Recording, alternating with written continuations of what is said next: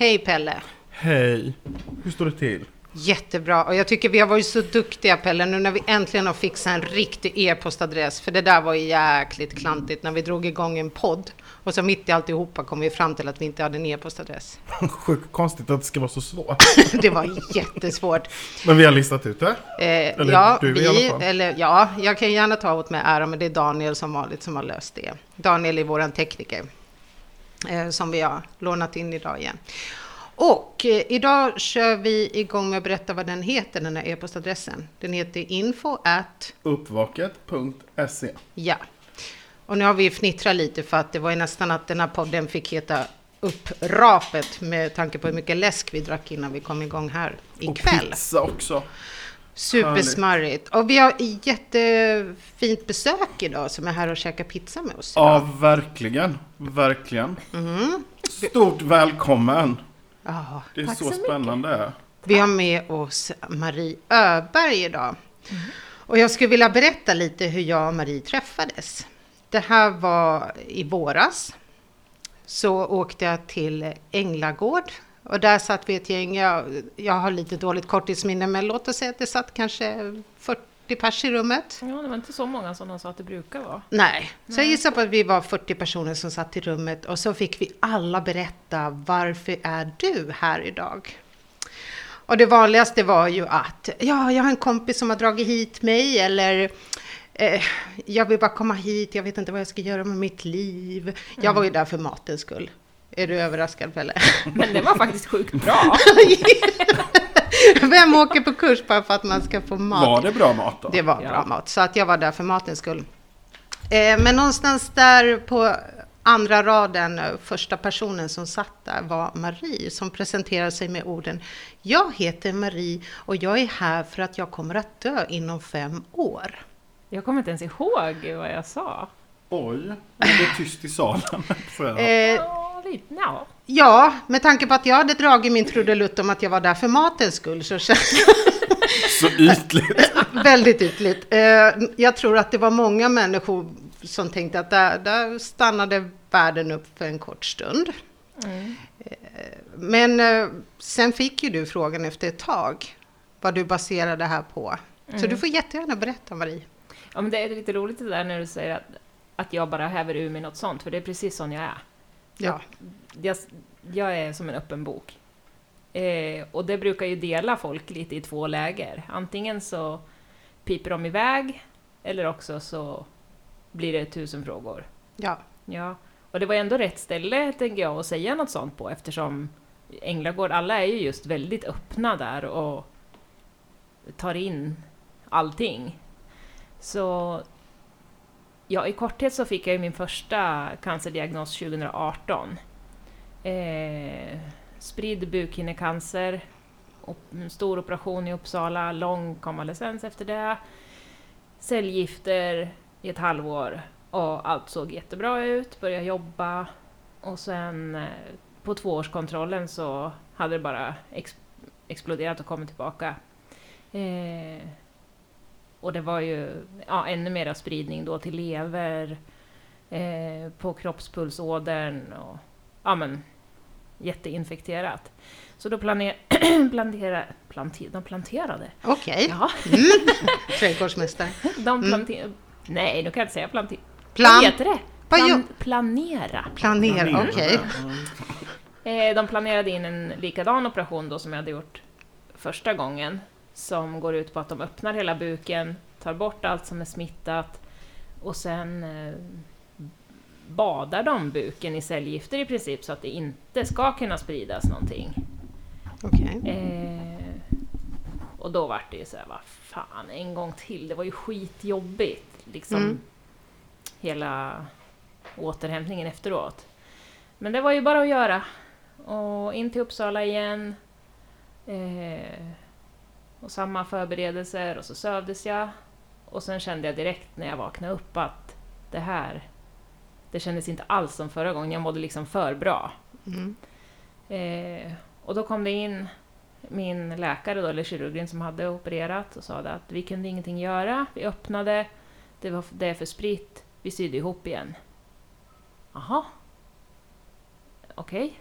V- vad gör man då, då? Nej, men du har två till fem år, säger han då. Och jag var ju helt väck liksom på alla smärtstillande och allting, förstod ingenting. Var du ensam då när du fick Ja. det beskedet? Det var Mm. ju mitt i värsta corona, så det var ju Micke då, min, min man fick ju inte komma på... Han kom efter tre dagar fick han på nåder komma in och... så att vi fick prata. Men spontant känns det ju väldigt att, alltså att en läkare levererar det på det Mm. sättet. Känns väldigt okänsligt på något sätt. Eller? Väldigt, väldigt okänsligt. Och de är all heder till dem i Uppsala, alltså de är jätteproffsiga och allting. Men just det blev inget bra. Eh, för det är liksom det som ekar i mitt huvud än. Eftersom de... Ja, det var liksom ingen snack om saken. Det är ingen som har överlevt mer än fem år, så är det. Ja, för det, var, det minns jag väldigt väl när vi satt där i den här kurslokalen och du sa att jag har fem år kvar. Och när man började fråga lite hur känns det? Och hur, då sa du att du var väldigt stressad. Mm. Det kändes som att du ville passa på att uppleva så mycket som möjligt. Mm. Har du kvar den stressen eller har det lugnat ner sig? Eh, det har lugnat ner sig lite, men det går lite i vågor. Jag får ju... Efter då när man inte kunde ta bort någonting operation, genom operationen så får man ju... Eh, det heter palliativ cellgiftsbehandling så, så. Så att de bara ska försöka hålla tumörerna i schack så länge som, som det går. Och då blir det ofta så att jag får cellgifter i 20 veckor. Varannan vecka i 20 veckor. Och sen får jag ha en paus.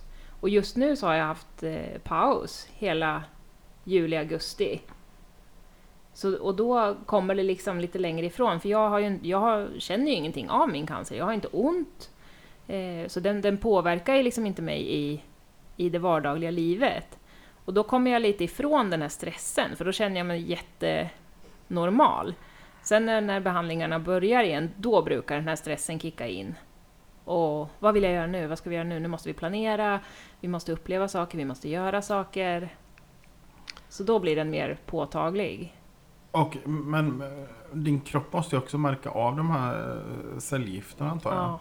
Det, och det är, För det är ju de, väldigt starka grejer. mm, och det är de som man blir, alltså som jag blir dålig av. Eh, det har ju satt sig ganska mycket på leder och så, jag har jätteont i lederna. Eh, man går ju upp i vikt för man orkar inte göra någonting. Och där sett, det är liksom... Jag såg på något eh, program här för ett tag sedan, som de, där säger de ju att ibland så dör man inte av själva cancern, utan man dör i sviterna av cellgifterna för att det eh, bryter ner kroppen så, Ja, just det. så mycket. Jag är jättenyfiken på just det, allt det här som händer med, med ens tankar och ens psyke.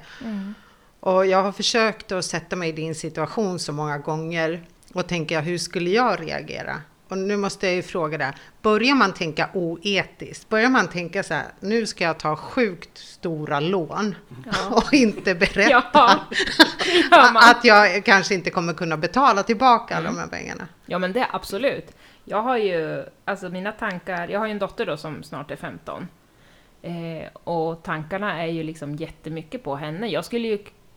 Jo men det gör man, man tänker jätteoetiskt. Kan jag råna en bank? De får väl sätta mig i fängelse då, vad ska de göra? Nej, nej, nej, nej, nej. Ja, Liksom, ja. Jag kan inte sitta mer än några år i alla fall. Nej, men Ja, men och så gömmer jag de pengarna Mm. och så har hon dem. Eh, men absolut, det tänker man ju på. Hur... Eh, ja, Och din man eh, Micke, är han redo att köra den där flyktbilen eller känner han att den här kuppen får du göra själv? Eh, det, här, ja, det får jag nog göra själv. Han är lite mer etisk än vad jag är. jag kan skarva lite och fuska lite, men han, han är väldigt korrekt. Ja, och, och, och vi sitter ju här för att vi, på pappret så ser det ut som att du kommer att lämna oss först. Mm. Fast vi vet ju inte om det Nej. är så. Det är det här som är så skumt med världen, att det, det kan ju lika väl vara jag som går först. Ja.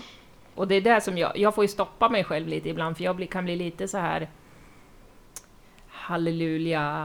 halleluja-aktig när jag liksom, men du måste göra det nu, du måste leva nu, du vet inte när du dör. Mm. Och sen i det här rättframma som jag har, alltså jag får ju hålla tillbaka mig själv lite för alla pallar ju inte det här rättframma pratet. Men det är ju Nej. faktiskt så, vi, det är ju ingen som vet. Har du mamma och pappa kvar i livet? Mm. Mm. Både mamma och pappa. Ja. Hur har de tagit det här? Eh, jag tror att eh, de är lite i förnekelse fortfarande. Mm. Och det kan väl jag känna att jag också är. För eh, jag, tänk, jag tänker, nu har det liksom gått ett och ett halvt år. Jag tänker inte dö. Alltså på så Mm. sätt så är det ju ganska Mm. långt ifrån mig också, men det är nog ännu längre ifrån dem. Dels för att man kanske inte, som pappa och jag pratar, man pratar ju inte om döden. Och då kommer det så långt ifrån. Eh, och särskilt den generationen är nog ganska bra på att slå bort det. Och min mamma är ju jättesådär, men vi, det, forskningen går framåt varje dag och allting. Ja, att det ska bli bra. Mm. Och jag, jag lever nog inte i det att, eh, att jag kommer att bli bra. Samtidigt som jag fasen inte tänker, jag tänker inte ha bara några år kvar. Nej, nej, nej. Så, nej. Men blir inte det på något sätt, för jag kan tänka också att då ska man hantera också alla runt omkring och deras reaktioner och deras, alltså just det här med att för jag har en äh, syster som gick bort i cancer och det gick ganska fort och fick Mm. bukspottkörtelcancer. mm, Och just det här att man upplevde att det fanns många som pratade liksom om Ja men eh, det finns specialistsjukhus i Finland, det här ska vi ordna, det här kommer bli bra och liksom. mm. Det är Alltså- jättesvårt. Just nu så står jag inför det här att jag inte riktigt... För det som de har erbjudit mig är ju just den här eh, cellgiftsbehandlingen. Men jag känner att det måste, det måste finnas något annat att göra, något annat att ta till. Så just nu står jag här och jag tar in så mycket som möjligt och det om immunterapi och vaccin, olika vacciner och allting. Jag är lite där att jag drar i alla trådar så det är lite virvar. Just Så, men just, alltså, vi bestämde ju ifrån första början då, eftersom jag alltid har varit en sån där pladdemaja som alltid pratar om allting, så bestämde vi redan från början att vi ska vara öppna med vad som händer och vad som sker och så att ingen ska liksom behöva känna att, att det är något konstigt. Nej. Så, och framförallt prata mer om det. För det var ju också det du berättade för mig att eh, när man får ett sånt här otroligt jättetråkigt besked och när man börjar prata om döden då så sa du att det var inte så mycket information man kunde få Nej. utifrån. Vad händer? Jag är döende, vad, vad händer sen? Och praktiska saker. Det var ju Nej. där du också startade podden Precis. som heter Dödsviktigt. Mm. Så Där du träffar präster och... Ja, det är jätte... Och jag har lärt mig så himla mycket. mycket. Och det var ju just det att vi... Eh, eller jag började. Alltså man ska inte googla döden. Det är sjukt Okej. deprimerande. Bildgooglar du också då eller? nej, det, det, nej, det Nej, okej, inte. då tar vi Nej, det sen Tack för då. tipset. Mm. Varsågod. Nej, men jag började ju då tänka, jaha, det här vita arkivet, vad är det nu då? Det har man ju hört talas om. Ska man skriva ett sånt? Vem, får Nelly mina pensionspengar? Mm. Får, eh, hur, ja, men hur går allting till och när kremeras man? Hur många dagar har man varit död då? Eh, och det var ju då jag fick tillsammans då med min vän Elisabeth den här idén till podden Dödsviktigt där vi eh, pratar om hur det är att leva med ett bäst före-datum, som brukar vi säga. Ehm, och då träffar har vi träffat begravningsentreprenör, präst, vi har träffat en polis, Mm. sådana yrken som kommer i kontakt med döden. Mm. Eh, eh, förra veckan var vi och träffade en rättsläkare. Det är nästa avsnitt som kommer. Ah, en rättsläkare. Ja. Det var jätteintressant. Eh, men att prata då med sådana människor som alltså arbetar nära döden gör ju att, att udden tas, den jobbiga udden tas bort lite. Man inte behöver undra. Mm. För det, det är ju där alla rädslor och jobbiga känslor kommer in. Det är ju när man undrar, när man inte får svar på saker och ting. Eller så är det för mig i Mm, alla fall. Mm. Ja. Och jag måste säga, jag, jag tyckte den här podden var helt fantastisk. Jag har ju lyssnat på den mycket nu inför att du skulle Ja. komma hit. Vad roligt. Och, och Alltså det är ju ett väldigt allvarligt ämne naturligtvis. Men det är också Mm. med, med liksom humor och värme. Och det är inte bara liksom sorgligt och tungt. Och det gör att man kan ta det till sig också. Ja, för det är en del som har sagt till oss att Nej men gud, jag, jag orkar inte lyssna på det här. Bara, men gör, gör det, lyssna på ett avsnitt bara så, så får du se. För det är ju vårat, våran tanke att det ska inte vara jobbigt och det ska inte vara tungt. Samtidigt som det är allvarligt. Utan Mm. vi, alltså man får prata och skratta. Och det var ju som jag sa, Mm. berätta för er förut, att Bettan brukar ju skämta om att hon ska köra mig i en skottkärra till min begravning. Och, alltså man måste ju ha lite det här Ja, man måste ju ha ett sånt förhållningssätt. Ja, också. annars så skulle man ju gå under totalt. Jag skulle gå under totalt om jag inte fick sk- skämta om det. Och dels om jag skulle känna också att, att jag inte fick vara öppen med det. Då, sen kan det ju bli, men Micke då, min man, han kan ju bli lite sådär om jag sticker upp. Jag har hittat typ en urna som jag, den här var ju jättefin, bara den här! Sticker man upp en bild du, liksom under näsan, han bara, men vad lägg av! När du anmäler dig till någon sån här drejkurs, dreja din egen urna. Ja men det gör de ju! Ja, såklart. så här, snickra din egen kista. Ja. Ja, det fanns också, såg jag något Ja. tv-program om. Ja, det var någon... Det är Mm. jättehäftigt. Vi träffade, i ett poddavsnitt så träffade vi en tjej som jobbar som dödsdola. Eh, som är alltså samma sak som en födslodola fast de är med i livets slutskede. Och de har något som de kallar för dödscafé.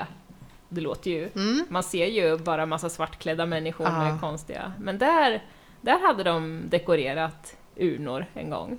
Jag tycker det låter superhärligt. Ja, faktiskt. Ja. faktiskt, för just som du säger, man tar udden av det och man Mm. liksom avdramatiserar det hela. Ja, För jag kan tycka det är så tråkigt också, vi pratar aldrig om döden i, Nej. i, i vår kultur. Den Ja. är så frånvarande Mm. och det är väldigt kliniskt sådär. Mm. Man, Protest!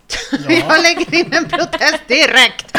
ja, du Jag vet inte om det är den här finska kulturen, men vi pratar om det här ganska ofta. Senast nu i veckan så hörde jag mig till en av mina morbröder och sa, har du pratat med någon hur du vill ha det efter din död? mm. Han kanske har sin favoritlåt eller han kanske vill ha den flashigaste kistan. Och jag tänker på det här med kremering är ju verkligen sån här att antingen eller. Så att nej, vi pratar om det här ganska ofta. Mm. Vi har ju en svart bok som går runt eh, bland släktingarna där man får fylla i hur man vill ha det. Ja. Och det är väldigt tydligt att alla andra ska ha det otroligt enkelt utom jag.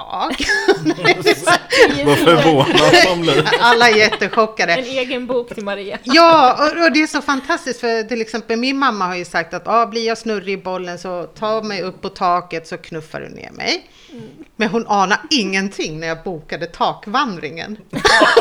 Hon bara, ja ja. Aldrig Och så gick hon upp, jag tänkte shit alltså.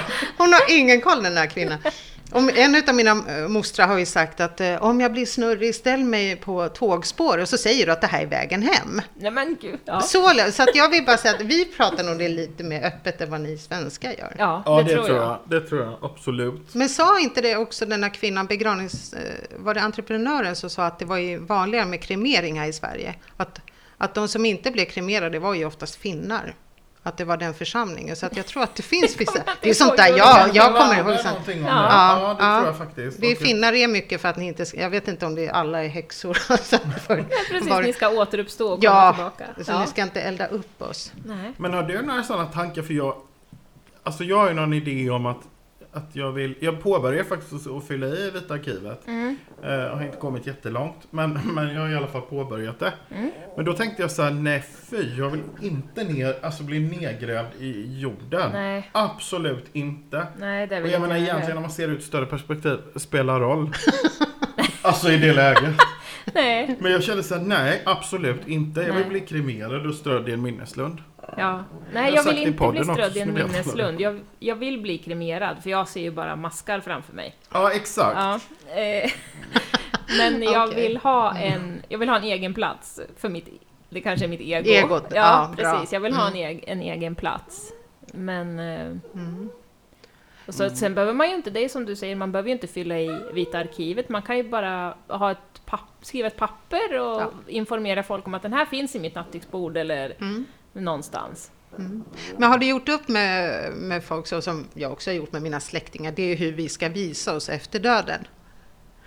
Att vi Nej. lämnar lite spår. För jag, jag- en av mina Mm. mostrar hörde av sig till mig i veckan och sa så här. Om jag dör först, Mm. då kommer jag lämna spår. Du kommer se att jag är där genom att hon skulle lägga vita fjädrar här och där. Och jag sa ju direkt, det får inte vara så här skitiga så det ser ut som en sån här överkörd mås. Det måste vara så här kritvita, jättefina fjädrar. Ja. Och sen så sa jag att om jag går bort först, då kommer jag lämna svarta fjädrar. Och så kommer jag lägga mynt lite här och där. Så att hon förstår. Men hon ville ha sedlar förstås. Ja. Men, vi är så ytliga hörru. Men så att Jag, jag... tänker så kan man inte få bli en fågel och flyga och bajsa folk i huvudet eller något? Det vore ju Ja, på jättekul. fönstren. på nyputsade Ja. fönstren. Eh, men gör det gärna en det. Jag fin- jobbar inom städbranschen. fin tanke. Väldigt fin Att, tanke. eh, Hur Mm. kommer vi att veta att det är du Pelle, om det är du som lämnar utav oss tre? Om du är den första, hur Ja. vet vi att du är här? Eller där?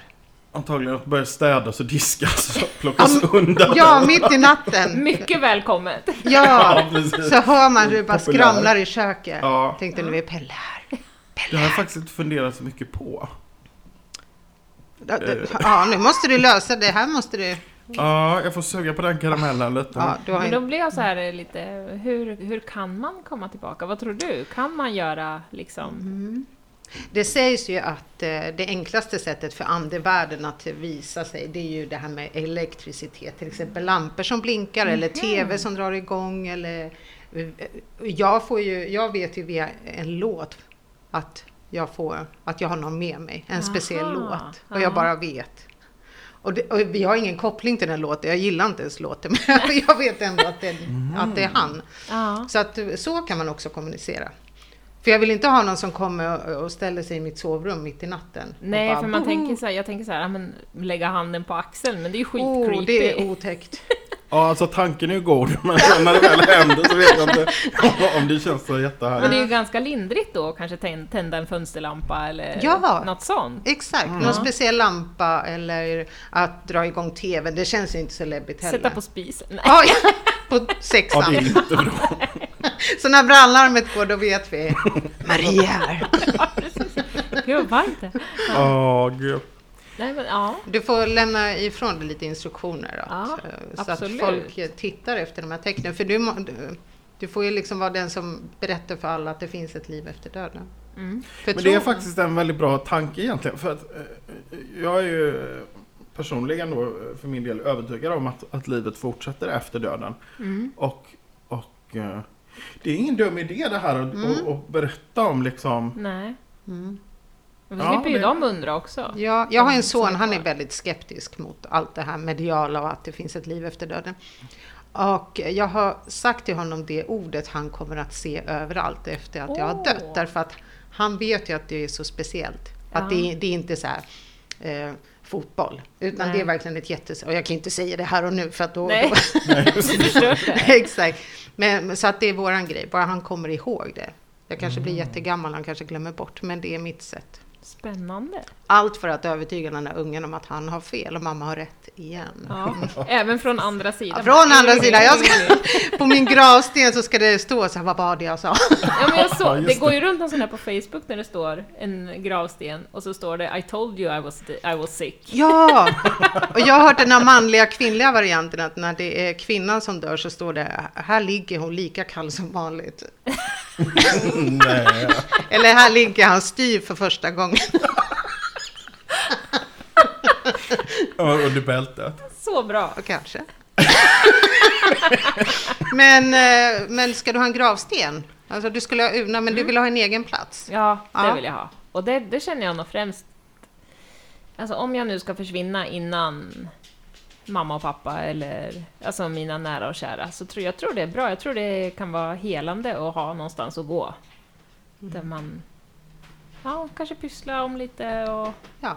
Men det tror jag också. För Mm. de som blir kvar. Att, att ha en, en plats att gå till. Mm. Absolut. Ja, det tror jag är viktigt. Jag tror också att det som gör att det är så lätt att prata om döden med dig, det är för att du ser så otroligt levande ut. Ja. För det finns ingenting hos dig som ens tyder på att du är sjuk. Nej. Nej, och det är jag så himla, himla tacksam för. Bara det att jag har fått behålla håret genom alla cellgiftsbehandlingar är Ja. ju... Ja, för, för utan hår så syns det ju direkt att man är Ja, sjuk. ja, exakt. Och det var nog också därför det blev den här tystnaden efter att du sa det här när vi satt i den här kurslokalen, när du sa att ja, jag kommer dö. När man tittar på henne och tänker ja, Ja, precis! nu är det något som är Ja. lite knas här borta. Var hon fått, var hon fått det ifrån? Ja, exakt. Och börja rulla en foliehatt och sådär, tänka. Eh, Det är det som gör att det är så ofattbart. Ja. Mm. Att det, jag, jag tror att jag har väldigt svårt att ta in det. Mm. Ja, men det är ju inte så Mm. konstigt. Nej. För det, det är ju... Ja, men det ligger ju ganska långt ifrån oss. Mm. Men vad är den vanligaste frågan du får när, när du, du berättar för folk vad du går igenom? Typ, är du säker? Ja, jo, jag är Ja. ganska säker. Är du säker? Alltså, jag, jag är ju säker på att jag är sjuk, men resten kan jag ju inte vara säker Nej. på. Nej men jag tror folk blir, eh, de flesta blir ganska lättade Mm. och vill, vill veta mer. Och ofta, ofta så blir reaktionen lite så här, hopp, okej. Men sen kan de komma vid ett senare tillfälle och då har det liksom hunnit smältas lite och då kan, kan man prata mer om det och Mm. Jag förstår. ja. Sen den här, för att gå tillbaka lite till den här stressen, att du vill ju säkert uppleva en massa saker. Minns du så här på rak arm vad som är på första plats, första, andra, tredje plats på vad du vill hinna göra? Alltså först och främst så är det ju, alltså fami- familjen har ju aldrig varit så viktig som Mm. Jag är ju, jag är ju en, en ensamvarg egentligen. Jag älskar att vara själv och älskar att ha min egen tid. Och, men just familjen, just att få göra saker med familjen. Om det så eh, alltså bara en hotellnatt eller gå ut och käka eller... Alltså det, det kan vara så här små enkla saker som Mm. jag verkligen... De sätter sig i mitt hjärta.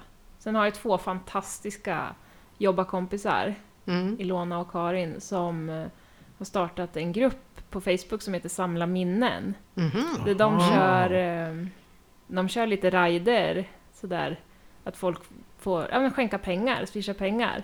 Så bara nu senast i veckan så ramlade det in några tusen lappar så jag kan ta med familjen på hotell och lite sådär. Och det är helt... Men det är ju Ja, fantastiskt. de är helt fantastiska och det var ju som... Det var, var en period när jag var jätteledsen så över... Ja men just över Nelly, att hon... Mm. För jag vill ju bli den här alltså mamman som... Ja men tänk när man bor i studentlägenhet Mm. och man kan komma med en kasse mat Ja. eller liksom... Ja men fyll, ja, fylla på kylen eller ge lite bensinpengar och allting. Tänk om inte jag kan göra den om hon går på högskolan liksom. Ja. Så. Och då, då hade de en ride så jag kunde få... Eller då fick jag en liten pott så här och spara till Nelly och... Jaha, det var Ja. väldigt omtänksamt. Ja, de är... Fantastiskt. Ja, alltså. de är helt fantastiska. Ja. Och vad hette sidan? Samla minnen heter den. Och där finns också swishnummer. Ja, där, ja, där har de skrivit Mm. ut allting. Ska vi ta en titt på det här? Vad, Ja, vad generöst. ja och ja, de har, det är ju stora hjärtan alltså. Ja, för det Så blir ju fint. också det här eh, ironiska att just när man behöver samla minnen om man är sjuk, då, då är det ju oftast ekonomin som är Ja, sådär. ja det är... Så att, ja. Men det är lite intressant för det känns lite som att fokus kanske flyttas också för att när man eh, alltså när jag sitter och tänker så här, vad skulle jag vilja göra då då är ju inte det att träffa familjen kanske i första hand. Nej. Förlåt om det är någon till och med familj som lyssnar, det var inte så jag menar. Men, nej, men liksom, då tänker man så här, åh, jag skulle vilja kryssa i Karibiska övärlden. men du vet så här, åh, Australien. Ja. Mm. Men det skiftar ju perspektiv. Ja. Jag har hört det från många som säger det att liksom, nej men det, det är det här vardagliga, det nära. Mm. Ja, men det, det har verkligen skift, ställts om helt. Vi har ju två hästar, Nelly och jag tillsammans. Och där är ju... Alltså det, jag tror inte det går en dag utan att jag tänker så här, fy fan vad härligt, fy fan vad gött det är att vara här. Alltså så, så det är verkligen de här små sakerna nu som, eh, som spelar roll. Som att man åker hem. Nu har ju Nelly så stor så hon vill ju inte följa med mamma överallt. Nej. Men då, alltså, som i helgen nu så åkte jag ner till mina föräldrar Mm. själv och bara hängde med dem en helg. Och det kan ju vara sånt som jag innan så här, oh, shit, ska jag... Åh, jobbigt att åka dit Mm. och så, blir Mm. det så här och det, det, det. Och nu är det liksom bara mysigt. Ja. Fattar. Ja, det blir Ja. någonting annat. Ja, Verkligen. man tar verkligen... Eller jag försöker, jag vill inte framstå som någon så här... Alltså nu gör jag allting rätt, för det gör man ju inte. Men jag Nej, nej. försöker verkligen att ta tillvara på saker och ting och... Och alltså vara tacksam. Jag har nog varit Mm. tacksam större delen av mitt liv när jag ser tillbaka. Så att jag har varit verkligen glad för de saker man får uppleva. Men nu är det ju i ett mycket större perspektiv att man är tacksam och man ser de här, även alltså som nu när sommaren kom tillbaka. Mm. Bara shit, gud vad härligt. Några soldagar till. Så, ja, precis. Det kan ju jag känna så här ibland när, eh, när det är så här fin höstdag eller som, Mm. liksom varm sommardag. Man tänker så här, fantastiskt tänk att jag får gå runt här. Ja. Liksom. Eh, Ja, man kan slås av det där. Då. Ja, och jag, jag tror att man blir lite lyckligare om man tänker så som du sa nu. Om man tänker så, om man får in det som, alltså nästan som en vana att tänka på hur Absolut, lyckligt njuta i man är. nuet och inte Ja. bara sträva efter det man inte Nej. har. Precis. Det är väl då man är framgångsrik. När man bara kan stanna upp en höstdag och tänka att jag har allt jag behöver. Ja. Ja, faktiskt. Här och Ja. nu, det är så enkelt att eh, jag har hälsan i behåll just idag. Mm. Att jag kan gå här, jag har tak över huvudet och mat på bordet. ja.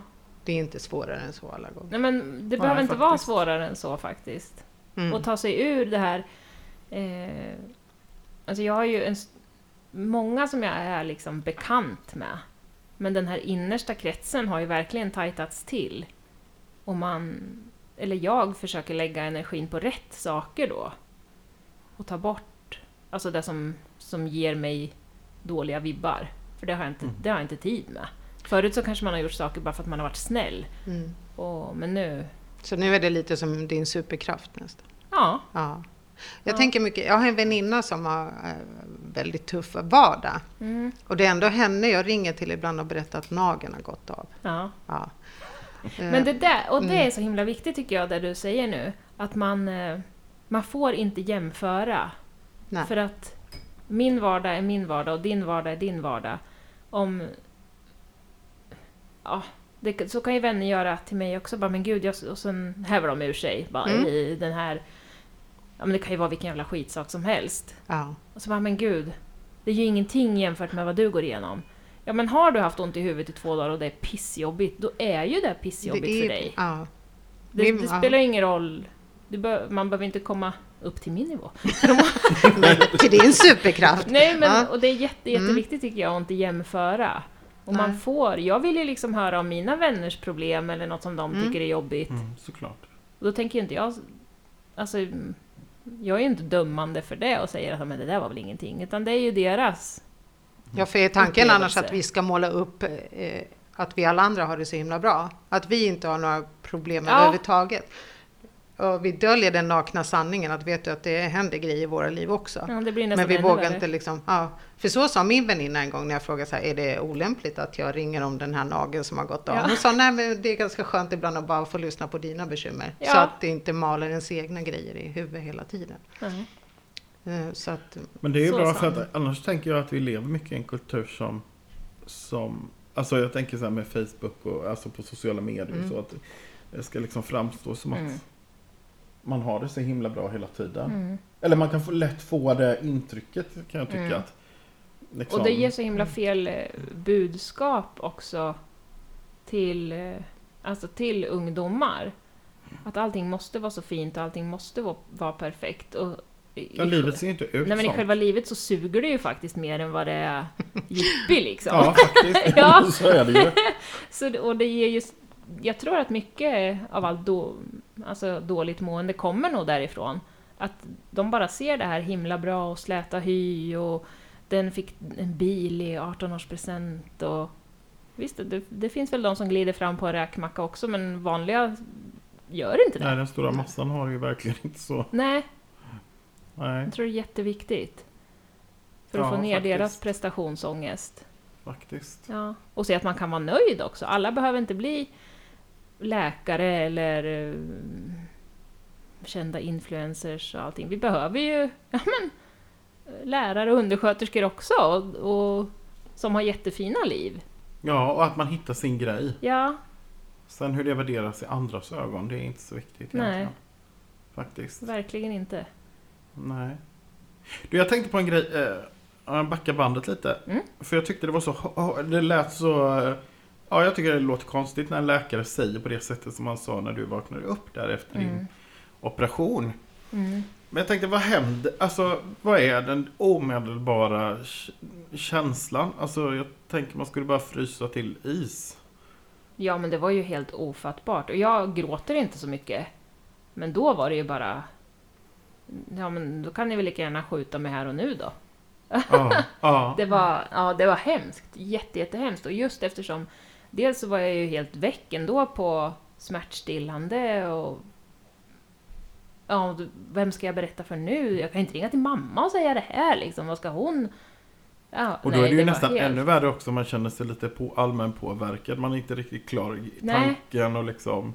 Precis, och sen var det ju efter första operationen då när jag... Alltså när jag när jag hade så lång tid, då låg jag ju kvar två veckor på sjukhus för att liksom, ja, men, man ska komma igång och man ska kunna gå och man ska kunna äta och allting. Men det här var ju, mm, jag tror jag låg två nätter och sen skulle man liksom åka hem. Fast det här var ju sju resor värre Mm. än den första grejen. Mm.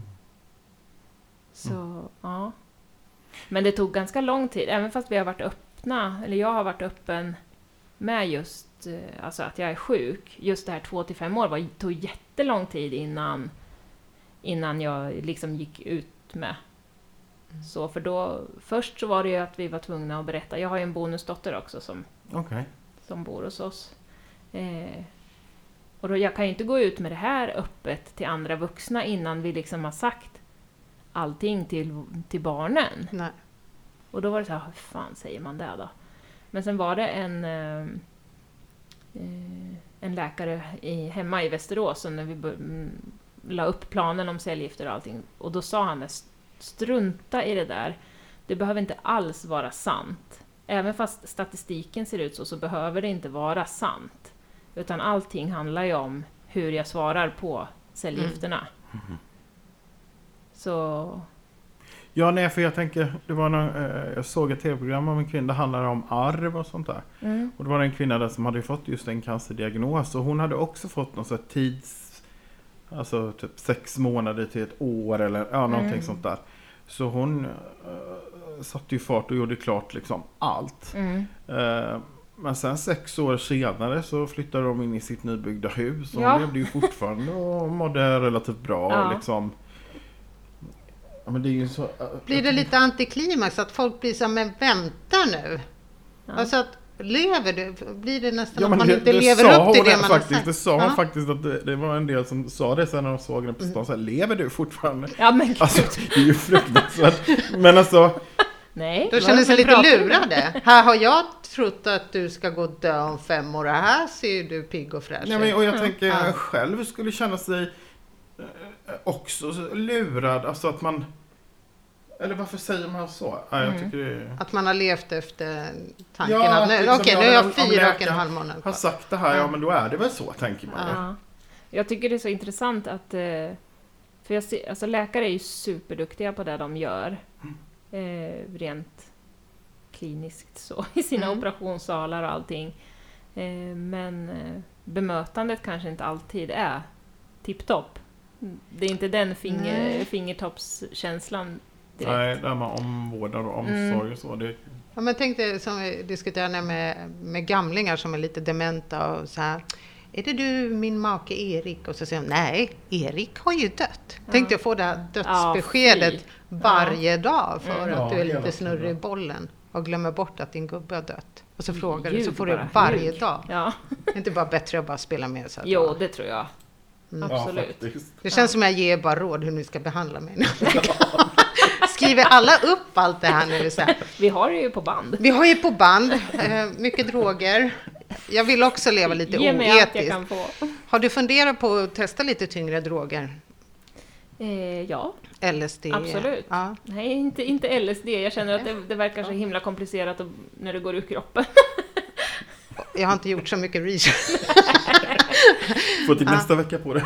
Ja, nej, men just... Eh, eh, det finns ju sån här THC-oljor och massa sådana saker som inte är tillåtet i, mm. i Sverige. Mm. Men absolut, det är ju...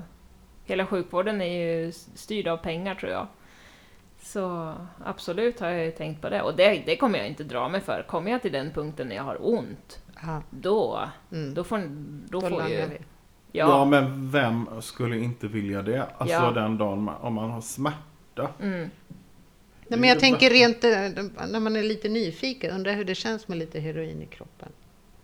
Alltså att man tar lite Det är en större annan risker. podd, Marie. Det- Ja, jag tänker att uppvaket heter nu vaknar du Nu va? vaknar vi på Maria Pool. Maria Ja, Pool-podden. precis. Ja, Ja, nej, jag tänker att... Ja, jag tror att det är bara rebellen i mig som vaknar Mm. när man hör så att jag kan inte ställa till svars. Alltså att jag behöver inte ta hand om konsekvenserna för allt jag gör. Mm. Det är Nej, nog men det så- som kittlar lite. Så Mm. kommer det säkert att vara. Det är ju samma sak som du sa med pengar. Ja. Så kommer det säkert att vara sen att ja, men det, börjar man se att det lutar emot, Mm. emot slutet, liksom, då tror jag inte man drar sig för någonting. Vi ska inte nämna vilket år det är för så att inte Bluestep kan liksom Nej, spärra. precis! så alla låneinstitut bara, hon heter Marie rött. Öberg. Ja. Eller? Ja. Ja, inte bra. Ja, gud. Vad hemskt. Men jag tänkte på, hur, hur tänker du eh, kring liksom, eh, tror du på att livet fortsätter efter döden eller är det bara... Jag har faktiskt Så, ganska eller? nyligen kommit fram till vad jag tror på. Mm. Eh, jag har väl eh, hela livet varit eh, så här, intresserad av det spirituella, andra sidan, tror, ja, men, tror på andar och så. Eh, sen när jag har gjort lite research Mm. så har jag nog kommit fram till att eh, jag vill gärna tro att allting är förutbestämt. Allt... Eh, vi kan ju välja hur vi lever våra liv här på jorden, men jag tror att eh, det har en mening. Det är någon som sitter och petar lite om vad som ska hända och att all... Ja, men jag tror att det är förutbestämt. Eh, så pratade jag och en vän om ja, men hur det skulle kunna vara. Och då tror jag lite att jag någonstans har valt det här livet. Att det ska, ska vara så här. Sen vet... När man väl kommer till det här livet så vet man ju inte att jag har valt Nej, det. precis. precis. Så, men att jag har valt det här för att, ja, men för att jag, det ska göras. Eh, och sen tror jag att man återgår på någon, något sätt till något stadie där man får välja ett nytt liv. Att, vilken roll man ska ta igen. Ja, just det. Ja. Så jag tror, det, är ju, det är ju väldigt trösterikt kanske att känna att när, man, när jag dör så står gammelmormor där och tar emot Mm. mig med öppna armar. Men jag, jag tror inte riktigt att det, att det funkar så, utan jag tror att alltså när vi dör så kommer man till ett ställe där allting bara är lugnt. Det finns inga sådana jobbiga känslor, det finns ingen saknad, det finns... Mm. Det, det är bara frid. Mm. Och sen så får man ta en ny roll. Mm. Jag hoppas det. Ja, det är ju lite så jag tänker också faktiskt. Mm. Och det så känns him- som, när man kollar, ser på, alltså, nu är jag så gammal. Men eh, det lät så, 46.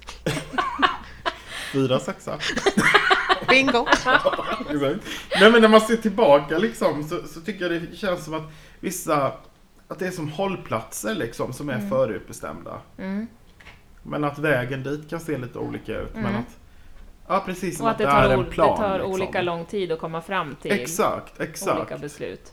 Ja precis. Men jag, tycker, jag, jag finner det väldigt, väldigt tröstande att, eh, att, det Otroligt skulle, tröstande. ja, men att det ska vara förutbestämt på något sätt. Och det, är så.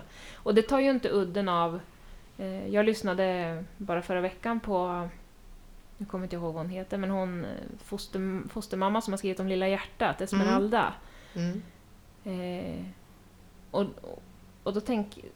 På något sätt så är det tröst, trösterikt att tänka att hon, det var förutbestämt, hon skulle bara få en så kort tid här på jorden och, och det tar ju inte bort den smärtan som hennes nära känner, inte, inte, inte alls. Men jag tror, ja men det är lite tröstande Ja, att det, sku, det skulle vara så. Det var vi en, vi kunde inte bestämma att det skulle blivit på något annat sätt. Vi har ju inte pratat om din ålder, kommer jag på nu. Fyra nolla. Fyra nolla. Magic 40. Ja. Ja. Och det är ju, det är ju också en sån där sak som att Mm. nu vill man ju bara fylla år. Hela tiden. Men förr, innan så tänkte jag så här, men Ah. gud vad jobbigt att fylla Ah. 40. Nu bara, woo, jag är 40! När firar vi 41-årsdagen då? När är det dags för det? Eh, I maj nästa år. Maj? Mm. Mm. Kul. Mm. Eh, jag tänkte bara visa, jag har nu tagit mig friheten att lägga ut lite kort här. Mm. Men inte, det måste vi nästan berätta, det var ju superhäftigt när du drog kort på. Änglagård. Jag kan ju dessvärre inte berätta för jag kommer inte ihåg det. All... Mhm. Sånt stort moment för mig och du kommer inte ihåg! Så jäkla pinsamt. Nej, men, eh, du fick ju flera, jag tror vi gjorde tre gånger att vi tog kort. Mhm. Och alla gångerna så kom det upp det här med kommunikation. Nu kommer jag ihåg. Ja, Ja. det var kommunikation och jag visste Ja. inte om att du hade den här podden. Nej. Och, nej, och att jag var på det hela tiden. Du måste fram, du ska tala inför Ja. publik. Så var det. It's all coming back to me Det now. var för jag har varit väldigt skeptisk mot kort och jag tänkte innan Ja. så. Mm. Så nu bara, oh, Nu ligger de här ett? korten på bordet igen. Jag tänkte du skulle ta ett kort som är lite kort beskriver bakåt i tiden och så andra kortet är lite nutid och så tittar vi lite framtid. Vilket, Ja, Mm. du, vilket börjar gå, med? gå på, det första är lite bakåt i tiden. Kollar vi där och sen tar du det kortet som är nutid. Jag måste ta det där. Det är det där och sen tar du framtiden. Mm. Välj noga nu. Ja, Det är det viktigaste kortet. absolut. Då tar vi det första kortet som är bakåt i tiden. Då står det När du tar väl hand om dig gagnar det alla. Ge dig själv en avslappnande behandling idag som massage, havssaltbad eller pedikyr. Så Åh. att det var lite bakåt i tiden. Mm. Så det hoppas jag att du har unnat dig. Mm. Nuläge. Då är det ärkeängel Mikael. Mhm. Det sägs ju att han är en av de här lite ballare ärkeänglarna. Aha. Nu kommer jag göra alla så här ängelfans Ballare. Alltså, man tar sig för pannan. Ja. Han är så jävla cool alltså. Ärkeängel Micke. Ja, ja. Har du hört? Och, och det Micke vill säga till dig idag, det är att jag är med dig och ger dig modet att göra de förändringar som hjälper dig att arbeta med ditt gudomliga livssyfte. Mm. Mm. Tittar vi framåt, framåt, framåt.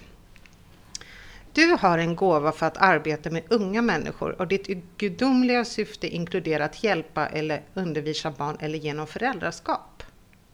Mm. Där Mm. kom familjen in. Mm. Häftigt. Ja, och det första, eller det bakåt i tiden var att du skulle ta hand om dig. Och jag hoppas verkligen att du fortsätter unna dig själv massa massage och liknande. Men sen kommer det här nära Balla Micke som säger då att eh, han hjälper dig att arbeta med det gudo- gudomliga livssyftet. Och då är det väldigt roligt att sista kortet handlar just om livssyftet. Mm. Som är då eh, genom föräldraskap. Mm. Mm. Jag förstår precis. Du förstår precis, Ja. och det är det viktigaste. Att Ja. Pelle sitter det- där och ser ut som en fågelholk, det har ingen betydelse. Vill Pelle dra Nej, kort? men jag tycker det är så roligt. Jag tycker det Ja. är väldigt roligt när du också läser kort. Mm. Jag tycker du är väldigt duktig på det. Verkligen. Jag har lärt mig Ja. att läsa när jag var fyra år gammal. Jag är ett geni. Ja. Vet du att sånt väcks bort också? Ja? Genigener. geni. Vissa unga växer, alltså de, de, de föds ju med så här hår på axlarna och så här. Jag föddes som ett geni och det växer bort. Det bara trillar av. Var det inte hon domare Judge Judy? Ni vet det finns något tv-program om såna här riktigt Ja. hård Mm. domare i USA. Hon har ju skrivit en bok som heter typ eh, Beauty Fails Stupidities Forever. Åh! Så sant. Jag måste... ja. Pelle, du får också dra. Nu har jag liksom, jag har ju bläddrat runt och... Oh, vad spännande. Vad heter det? Jag har blandat kortlek, inte bläddrat runt. Nej. Det här var bakåt i tiden. Så vill jag ha nutid, Tar vi den? CC, och så framåt. Where is your Då tar vi future? den. Ja. Okej, då tittar vi. Bakåt i tiden. Okej, det är någonting vi... Pelle och jag vill liksom känna varandra genom den här podden. Så nu vill jag att du berättar, för här står det så här. Dina barn på jorden och i himlen är lyckliga och väl omhändertagna av Gud och änglarna. Det skulle kunna vara några husdjur också som kan vara ens bebis. Mm. Mm. Nej, det var en nyhet. Det är en nyhet. Nej, Ja. Men, ja, precis. Mm. Ja. Okej. Jag behöver inte förstå allt. Nuläge. Då står det så här. Det är en bra tid för att skapa nya idéer och situationer i ditt liv. Jag vakar över dig, vägleder dig och skyddar dig under dessa förändringar. Det är nu. Ah. Nu! Aha, du Får jag kolla på den eller? Du. Ja, fast kan du titta först vad framtiden Okej, så du- då. Sen får du titta. Man får liksom sparka den under bordet. Nej, nej. Eh, oj, oj, oj. Eh, det, nej, alltså jag törs inte. Okej. En ny romans är på väg. Antingen med en ny person eller genom återuppväckt passion i din nuvarande relation. Var öppen för att ge och ta emot kärlek. Åh, Vad fint. vad fint. Vad var det? Och lite man, ho. Ja. Palle. var är han Jag vill någonstans? att vi pratar ikväll. Fast inte ikväll, för det här är lite längre fram. Ja, okej. Imorgon. Jag kanske väntar på det till imorgon. Nej, vad Ja, heter det? Det är förändringar på gång, men det, det är en... Jag är en fantastisk sambo. Jag byter aldrig ut honom. Nej, jag vill bara berätta lite om den här fantastiska relationen. För när, när Palle berättade lite om olika mm, roller här i hemmet så sa Palle till mig att Pelle han älskar att städa. Alltså det är som en passion. Alltså han bara går igång på att städa. Och, och- sen när man frågar Pelle, är, är det här sant? Tycker du att det är så roligt? Han sa, nej men någon måste ju göra det. Men, men Palle har ju liksom sålt in, han har liksom hypnotiserat, han har hjärntvättat oss. Nej men du älskar det här, det är det bästa du vet. Men jag tänkte faktiskt på det när jag gick eh, på toaletten här innan, att shit vad rent det var! Så Palle köper nya grejer till hans maskinpark så att han har liksom jättefina Ja, städprylar. och så. Nej, men han gillar sånt där. Det, det är som en passion, alltså det, det är som en sexuell böjelse vill Palle få det till. Men nej. Nu ser han ut Ja. som en fågelholk igen. Ja, verkligen. Jag fattar ingenting. Exakt. Jag fattar ingenting. Det är mer att det gör väldigt ont. Ja. Fast det är klart, lite skönt är det när det är gjort. Alltså man Mm. sitter i soffan, tänder ett par ljus och man känner så här, åh vad rent och fräscht luktar är. gott att slippa grus under Ja, fötterna. exakt. Är städning lika viktigt för dig idag, Marie? Men jag har ju två tonåringar hemma som jag delegerar ut. Aha. Städ. Ja, det är ju jättebra. Ja, jag älskar när det är rent. Men jag är ju den enda ordningsamma personen i vår familj. Typiskt. Aha. Point, Mm. point. Utropstecken. Nej, det är väl skittråkigt att städa. Det är det. Ja. Mm. Ja, nej det är inte så roligt. Det är som det här med matlagning, det är heller ingen höjdare alltså. Jag har kommit ifrån det jätte... Nej, jag tycker inte det räcker. Tycker ni det är roligt att laga mat? Nej, vi har typ fem maträtter som går om och om. Ja, man om. kör samma, Ja. samma. Fast det är en sak jag inte riktigt förstår. Det är alla mä- människorna som lever ensamma och säger att det är så tråkigt att laga mat bara till mig själv. Och jag tänker precis tvärtom. Då får man ju äta vad Ja, man vill. jag får, ja, plus att jag får äta allt. Jag behöver Ja. inte dela med mig. Jag har ju kört fil och müsli. Hade du? Ja, Nej, gud, jag... Oh, Bandspagetti med, bandspagetti med pulverbea eller något sånt. Och massa tabasco. Okej, vilken läskig Så olika kombination. det där. Fast det här är fördelen eftersom jag har haft den här stora influensan. Det är att eh, jag har inte så mycket smak och doft. Så jag kan Nej. äta nästan vilken skit som helst. Aha. Det är ju jättekonstigt. Mig ska Men man är inte det lite tråkigt då när man inte känner liksom smaker och... Nej. Nej, men du får väl hitta på. Och tänka så här, gud, det här var ju det godaste jag någonsin Jag ätit. var på att visualisera. Ja, bara visualisera. Jag bara, Men jag tänkte på, ni har ju pratat rätt mycket om, för ni träffades där på Änglagård och... Ja. Ja. Mm. Eh, Vad är det för ställe? Ja, vad är det? Jag kan inte förklara det på något bra sätt, mer än att det är någon kursgård dit eh, folk som är intresserade av kanske det mediala eller personlig utveckling Mm. åker. Det är, s- många åker dit första gången för att det är otroligt billigt. Det kostar 500 kronor för en Ja, helg. så fick man all mat. Ja, mat Ja. och Men boende. Ja. Mm.